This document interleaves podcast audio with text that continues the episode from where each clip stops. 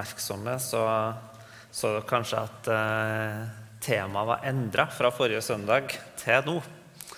Um, men eh, det er min skyld. Jeg bestemmer meg for å ta den teksten her i stedet. Um, men nå skal temaet i dag bli da tro og tvil. Og Thomas, som er en av disiplene til Jesus, og skal høre en tekst fra etter Jesus har stått opp. Jeg skal lese fra Johannes kapittel 20. Thomas, en av de tolv, han som ble kalt Tvillingen, var ikke sammen med de andre disiplene da Jesus kom. Vi har sett Herren, sa de til ham. Men han sa, dersom jeg ikke får se naglemerkene i hendene hans, får legge fingeren min i dem og stikke hånden i siden hans, kan jeg ikke tro. Åtte dager senere var disiplene igjen samlet, og Thomas var sammen med dem. Da kom Jesus mens dørene var lukket. Han sto midt iblant dem og sa, 'Fred være med dere.' Så sier han til Thomas, 'Kom med, kom med fingeren din. Se, her er hendene mine.' 'Kom med hånden og stikk den i siden min.' Og vær ikke vantro, men troende.' Min Herre og min Gud, sa Thomas. Jesus sier til ham, fordi du har sett meg, tror du. Salige er de som ikke ser, men likevel tror. Takk, å Gud, for ditt ord. Takk for at eh, du er god og nådig og ønsker oss det beste. Takk for at oss kan bli rettferdiggjort ved å tro på det, ikke pga. det oss får til eller ikke så ber jeg om at eh, mine ord skal være dine ord i dag. Så takker jeg for at eh, der jeg bommer veldig på målet, så er din nåde enda større. Amen. En gang på vinteren 2012 satt jeg på kafé Sjakk Matt i Oslo sammen med en kompis. Vi hadde en helt vanlig samtale og som alle førsteårsstudenter i byen så, kommer, så er et vanlig spørsmål hvordan går det med menighetsjakten. Min kamerat han var ikke vokst opp i et kristent hjem. Men han har gått på en kristen videregående skole og møtt Gud der. Og han var veldig bevisst. Han var med i lovsangsteam og alt mulig sånn så jeg forventer kanskje et svar som Philadelphia eller Storsalen eller noe annet sånt. Jeg må si det nå, sa han. Jeg har falt fra. Jeg tror ikke lenger på Gud. Så forteller han om hvordan det siste året på studiet, naturvitenskapelig studium har forandra hele hans tankesett på. Han klarte ikke å se lenger at Gud kunne skapt verden på seks dager. og Evolusjonsteorien og naturvitenskapen ga mye mer mening enn trua. Jeg satt ganske målløst tilbake. Eller egentlig så var jeg jo livredd. For av en eller annen grunn så følte jeg med trua jeg har ingenting å stille opp med mot hans kunnskap. Jeg kunne alltids prøve å si at du ikke behøver å tro på evolusjon, nei, at du ikke behøver å tro at verden var skapt på seks dager. Men alle mine spede forsøk på å si noe mot den føltes veldig tom. Jeg hørte logiske tankerekker og gikk umiddelbart opp på barrikadene for å forsvare det jeg tror på. Men dessverre så, så jeg ikke smerten, fortvilelsen og sorgen som han uttrykte. Han og jeg mista kontakten etter hvert. Det er jo sånt som skjer når en ikke vanker i samme miljø. Og jeg vet at han er gift med ei god, fantastisk kristen dame.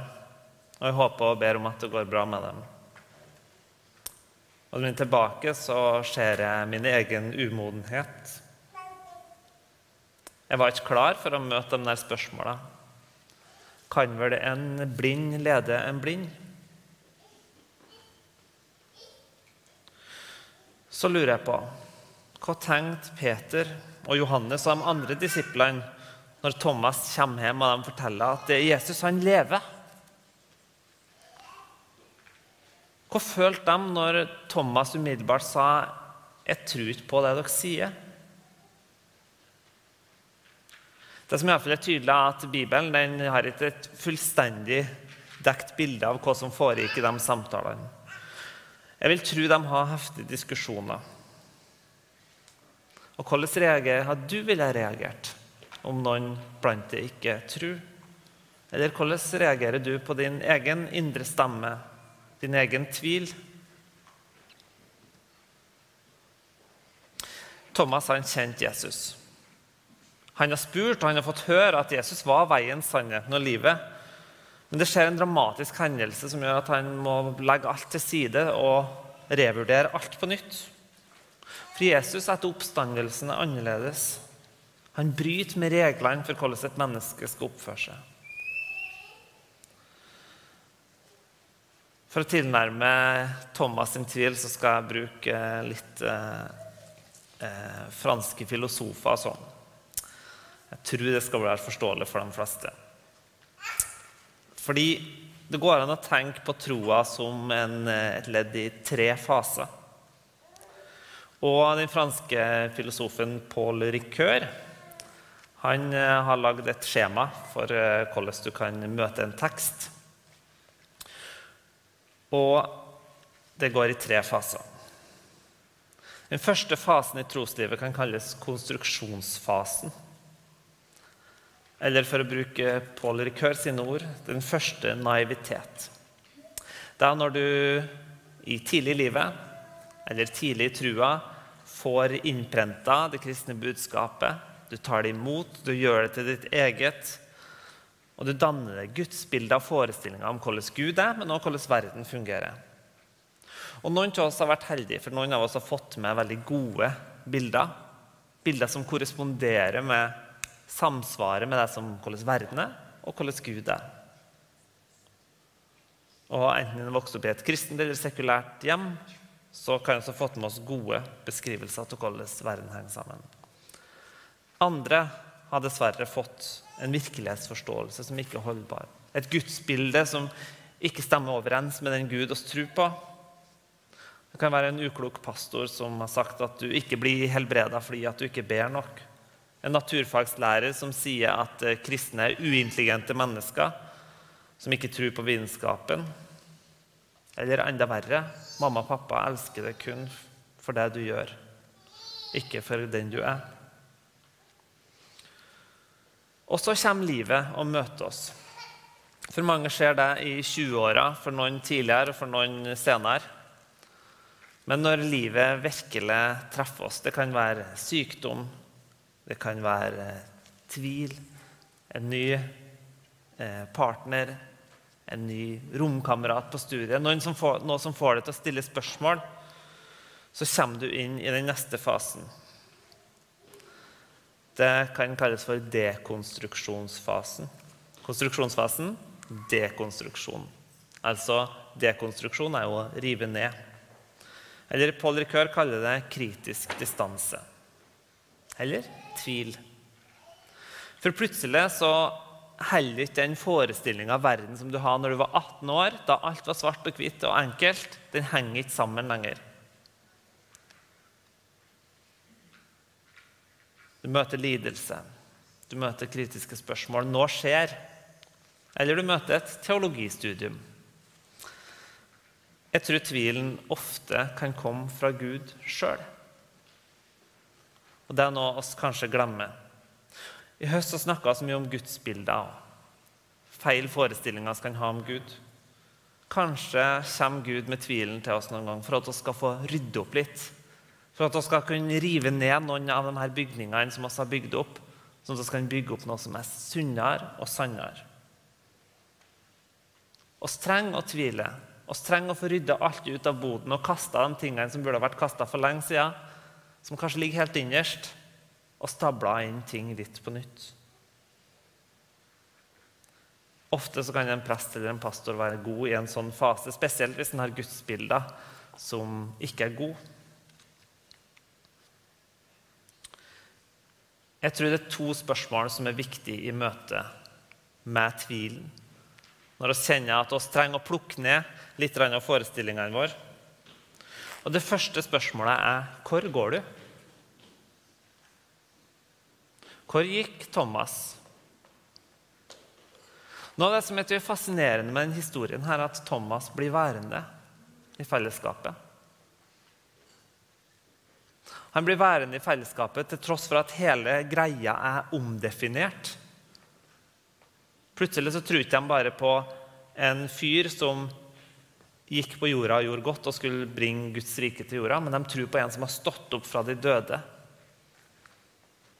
Men Thomas blir. Altfor mange trekker seg bort fra fellesskapet når de kjenner på tvilen.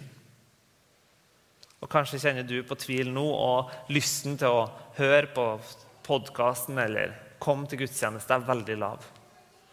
Det er naturlig. Men Thomas' sin tvil er jo egentlig ikke på Jesus. Thomas' sin tvil er jo på vitnesbyrdet som kameratene hans kommer med. Siden hvis ikke jeg får se med egne øyne, så tvilen hans går egentlig på budskapet. I vårt kulturelle klima så er det ekstra sterke stemmer som kan forsterke tvilen, dekonstruksjon av det vi har trodd på. Fordi at i et individualistisk samfunn der vi hele tida tenker at vi går framover, og neste dag er vi klokere enn vi var i går, og fellesskapet og historien egentlig ikke har så mye verdi, så forsterkes vår tendens til å trekke oss tilbake og heller sitte og tenke at jeg vet best sjøl, jeg kan grunne litt på det her for meg sjøl. Har Thomas møtt Jesus da? Hvis han har tatt turen opp tilbake til Galilea og bare satt der og stura.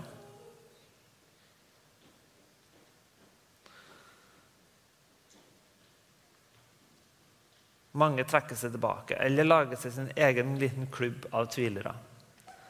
Men Jesus sier, 'Kan en blind lede en blind?' Vil ikke bagge falle i grøfta?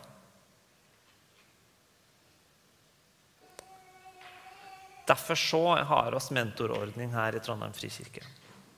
For at du som er ung og som kjenner på tvil, kan få gå til noen som er litt eldre, som har vært gjennom det, og få litt større perspektiv. Noen som ikke er blind, som har vært der. Derfor så ønsker vi også å snakke med deg om vanskelige spørsmål. Men så må det ha krevd en del av fellesskapet òg, til Thomas og få inn det som du er full av entusiasme og glede, og alt sammen, og så kommer det en sånn en som hele tida stiller spørsmål. Som er kritisk. Du skal liksom ut og vinne verden, og så kommer det en igjen. Jakob, Jesus, Jesu bror, han gir oss et tips inn i en sånn fase. Og Jakob han eh, må nok ha kjent en del på tvil. Han har kanskje blitt litt mobba av storebroren sin Jesus. Han har kanskje sett Jesu menneskelighet i sin tydeligste form. Og da å tro på at han skulle stå opp fra de døde, må ha vært helt vanvittig. Derfor er det kanskje nettopp han som sier at eh, enhver skal være rask til å høre, men sen til å tale, og sen til å bli sint. For altfor ofte har oss som kirke møtt tvilerne, skeptikerne, med tilbaketrekning, med frykt, med å gå på barrikadene, med å hamre inn i kristne budskapet. Og det funker kanskje å hamre det kristne budskapet inn for dem som ønsker å bli beskytta, som ønsker å bli beskytta fra sin egen tvil. Men for dem som kommer med spørsmål som aldri blir besvart, eller alle de tør å stille, så blir fristelsen til å trekke seg unna fellesskapet enda større. Og Derfor så drømmer jeg om at oss kan være en menighet der oss ja står fast på det vi tror på, uten tvil, men nå der oss åpner for spørsmåla. Der dere kan få komme og være kritisk. Der dere kan få komme og tvile. Og der dere kan få møte barmhjertighet, som Judas skriver i vers 22. Mot dem som tviler, skal dere være barmhjertige, Andre, ikke dem som tviler, skal dere berge ved å rive dem ut av ilden.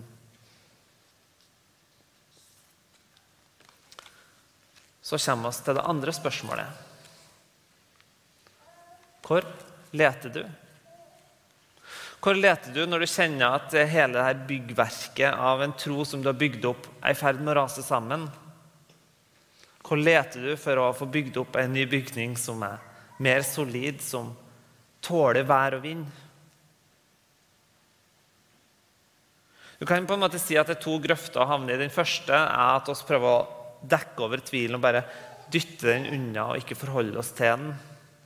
Men da glemmer vi at tvilen virkelig kan være Guds gave til å få et sannere og sunnere bilde av hvem han er, hvem Gud er, nei, hvem oss er, og hva verden er for noe.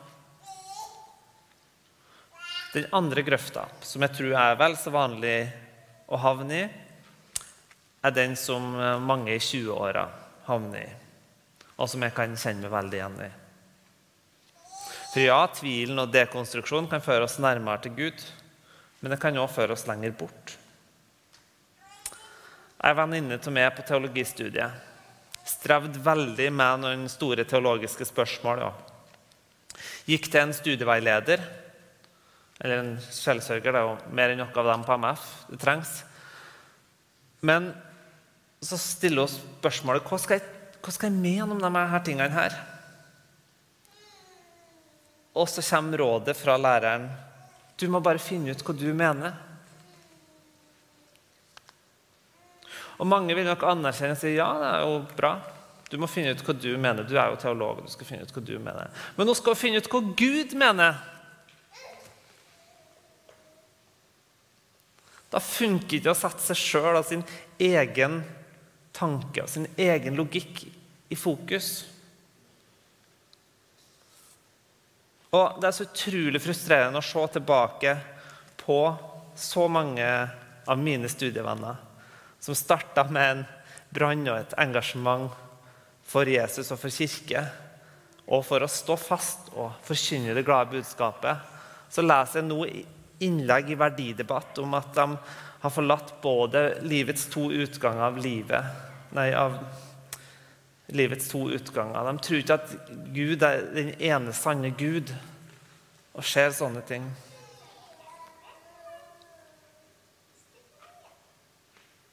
Fordi at en får mer tiltro på sin egen kunnskap om godt og vondt, om sant og usant, enn Gud. Og For Thomas er jo den fristelsen veldig stor. Hvis ikke jeg får se det med egne øyne, hvis ikke jeg får ta på det, da kan det ikke være sant. Det er veldig lite i livet vi kan ta og se for å vite at det er sant. I en kultur som hyller ungdomstida, så blir dekonstruksjon og hele denne pakka der du river ned det gamle, det blir veldig bra. Vi tenker at det, det, er sånn det skal være. Vi skal rive ned de gamle dogmene, og skal rive ned patriarkatet. og skal bli opplyste, gode mennesker som er fri. Men jeg tror at ofte så endes opp med å gå lenger og lenger bort fra Gud. Fordi når du begynner å stille spørsmålet med ja, men hva er vitsen med at oss Eller hva som er så galt med De spørsmålene kan høre meg i en etisk debatt, men problemet er at hvis du stiller dem mange nok ganger, så kan du rettferdiggjøre det meste her i livet. Du flytter definasjonsmakten mer og mer over til deg sjøl, mindre og mindre over til kirke, fellesskapet og Guds ord. Jeg husker for min del for så stilte jeg spørsmålet Er det verre å drikke alkohol for å bli litt glad enn for at det er god smak? Det er sånn type spørsmål som flytter makten over til meg. Når Paulus advarer oss mot å drikke oss full, så tenker jeg at heller ja, men han har jo tatt med seg det perspektivet at det kan jo ikke være helt bra å bare drikke fordi at det smaker godt til.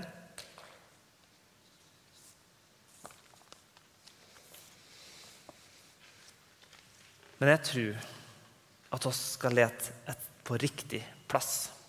Og Derfor så stiller jeg spørsmålet hvor leter du? I deg sjøl, eller leter du til Gud? Og Det som er fascinerende med Thomas, er jo at han nettopp har gjort det tidligere. Og Kanskje er det derfor at Jesus har forberedt den på det her. Thomas dukker opp bare én gang tidligere i Johannesevangeliet, kapittel 14. Da sier Jesus, 'La ikke hjertet bli grepet av angst. Tro på Gud og tro på meg. I min fars hus er det mange rom.' Thomas sier til ham, 'Herre, vi vet ikke hvor du går. Hvordan kan vi vite veien?' Jesus sier, 'Jeg er veien, sannheten og livet.' Ingen kommer til Far uten ved meg. Det var tilnærmet oss Jesus at vi virkelig kan se hvem Gud er. Det var å sette Han i fokus og gå til Hans ord at vi kan lære mer av hvem Han er. Og Boka kan være krevende og vanskelig, og det er gjort mange forsøk på å prøve å gjøre den mindre verdt. Et eksempel er fra slaveritida i Amerika. De ville at folk skulle lese Bibelen. De ville at slavene skulle lese Bibelen, fordi da kunne de bli kjent med Gud. Og De var jo mennesker, det var jo bra.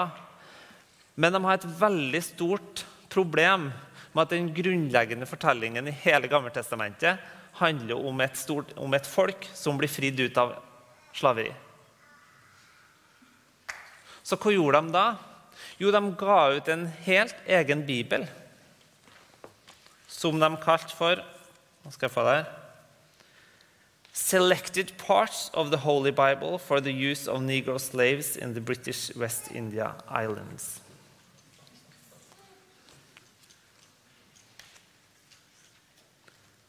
Det er en ganske brutal ting å gjøre. Men når du sjøl tenker at du vet bedre enn Guds ord, så gjør du sånn.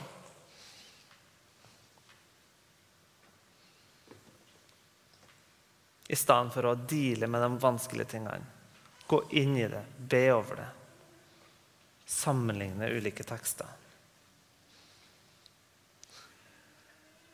Uansett om vi har revet ned alt, eller om vi har revet ned noen ting, om vi har søkt Gud i det eller ikke, så kommer vi til den siste fasen. Rekonstruksjonsfasen. Gjenoppbyggingen. Eller som Paul Ricœur kaller det, den andre naivitet. Bare se hva som skjer med Thomas. Plutselig står Jesus der og sier 'Fred være med dere'. Og så henvender han seg direkte til Thomas. Og nå blir det personlig.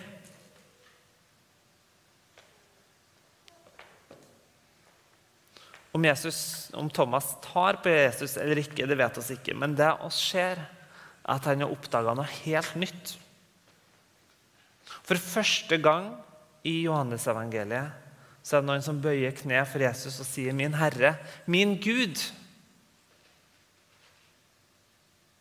Du er ikke bare lenger en opprørsk mann som kjempa mot makten, eller som kom med ditt nytt, nytt rike. Du er Gud sjøl, Jesus.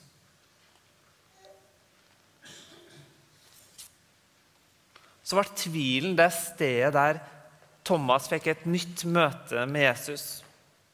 Der han fikk møte Jesus der han, sånn som han virkelig er. Som Gud, ikke bare et menneske.